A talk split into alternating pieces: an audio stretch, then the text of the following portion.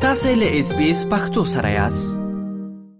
د طالبانو او ایراني چارواکو ترمنځ د هلمند سیند د اوبو حقابه پر سر لانجه لا پر ځای پاتې و چې د شنبه په ورځ طالب او ایراني پولیساتي ځواکونه د نیمروز ولایت په کنګ ولسوالۍ کې سره ونښتل او پر یو بل یې د سپکو او درنو وسلو ډزې وکړې د راپورونو لمخې نښته ورسته تر هغه رامنځته شو چې ایرانی اړ غوښتل په یاد شوی سیمه کې پولی ته چیر مردیوال جوړ کړي په دغه نښته کې له دواړو لوريو لک تر لګ دوه کسان ووجل شول او ګڼ نور ټپيان شول دا لومړی ځل نه ده چې د طالبانو او ایرانی پولیسو ځواکونو ترمنځ پر پوله نښته رامنځته کیږي لا کله چې په افغانستان کې طالبان واک ته رسیدلی د دې پولو په وګدو کې په ځانګړي ډول د نیمروز په کنګ او اسلام کلا کې د دواړو خواو ترمنځ غنې سرحدي نښتې شوي چې پایله کې دواړو لوري ته مرګ جوړ لاوخته بلخوا د طالبانو او ایرانی پولیساتو ځواکونو ترمنځ د شنبه په ورځ د غنښت او رسټر هغه رامنځته شو چې په دی ورستیو کې د هلمند اوبو پر سر د طالبانو او ایران ترمنځ تاوتریخوالی زیات شوی دی د دې ترڅنګ د شنبه په ورځ په داسې حال کې چې په نیمروز کې جګړه روانه و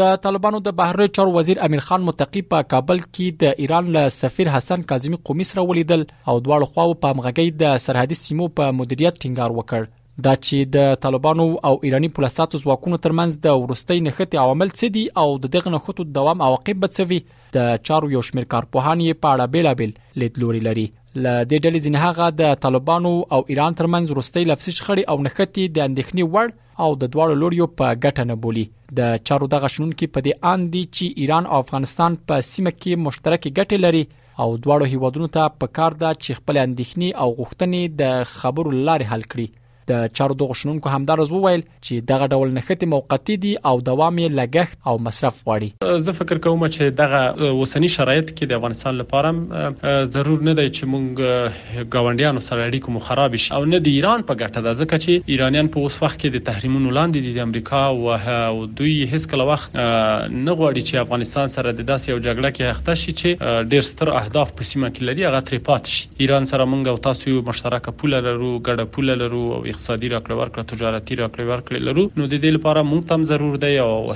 ایران ته هم ضرور دی چې اړیکې بیرته جوړې کړي، که نه د دواړو هیوادونو په ګټه نه دي او له دغه شخړو او د دغه جنجالونو نه بیا نور هیوادونه دي چې ګټه پورته کولای شي. که څه هم افغان لوري په یو عاقلانه دریځ کې وړاندیز کړی دی چې دوی په. هغه هېڅکله دغه جګړو ته چې هغه له ګاونډیانو سره نه داخليږي او هیڅ ډول منازعه او شخړه هم نه غواړي نو ایران ته هم پکار ده چې له دغه ډول وړو مسلو څخه تیر شي د افغانستان سره پر روابطو باندې سیاست ونه کوي په لوی کې د وکلانیت په دریځ کې خپل مسلې او اندېښنې له کابل سره شریکي په عین حال کې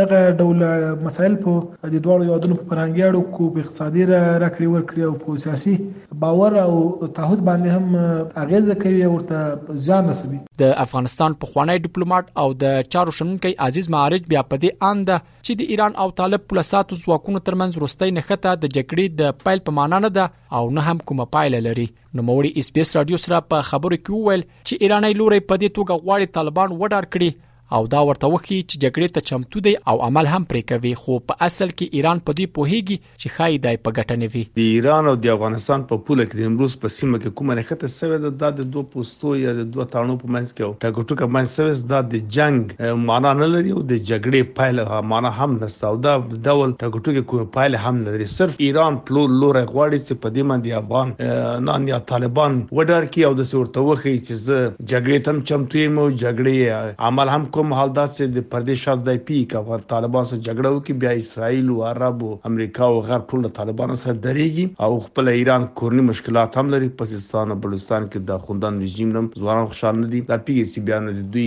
کورنی نظم او امنیت ګډوډ کیږي نو بنا سر غواړي چې د خپل عقل ابا هغه تړون چې دوی فکر کوي چې دوی په ګټه بنه غواړي په کې او تجنزه جوړ کې فشار وارد کړي یا اوبه زیات لاس کړي د کمال خان د نور بندونه څه دي دا غواړي طالبان پرې نه دي چې ابادي په دې کې وکړي او دوی اوبه تر لاسه کړي. د نیمروز په کنګ ولسوالۍ کې د شنبې ورځې د نښتې په اړه طالبانو او ایراني لوري تر اوسه په رسمي توګه څه نه دي ویلي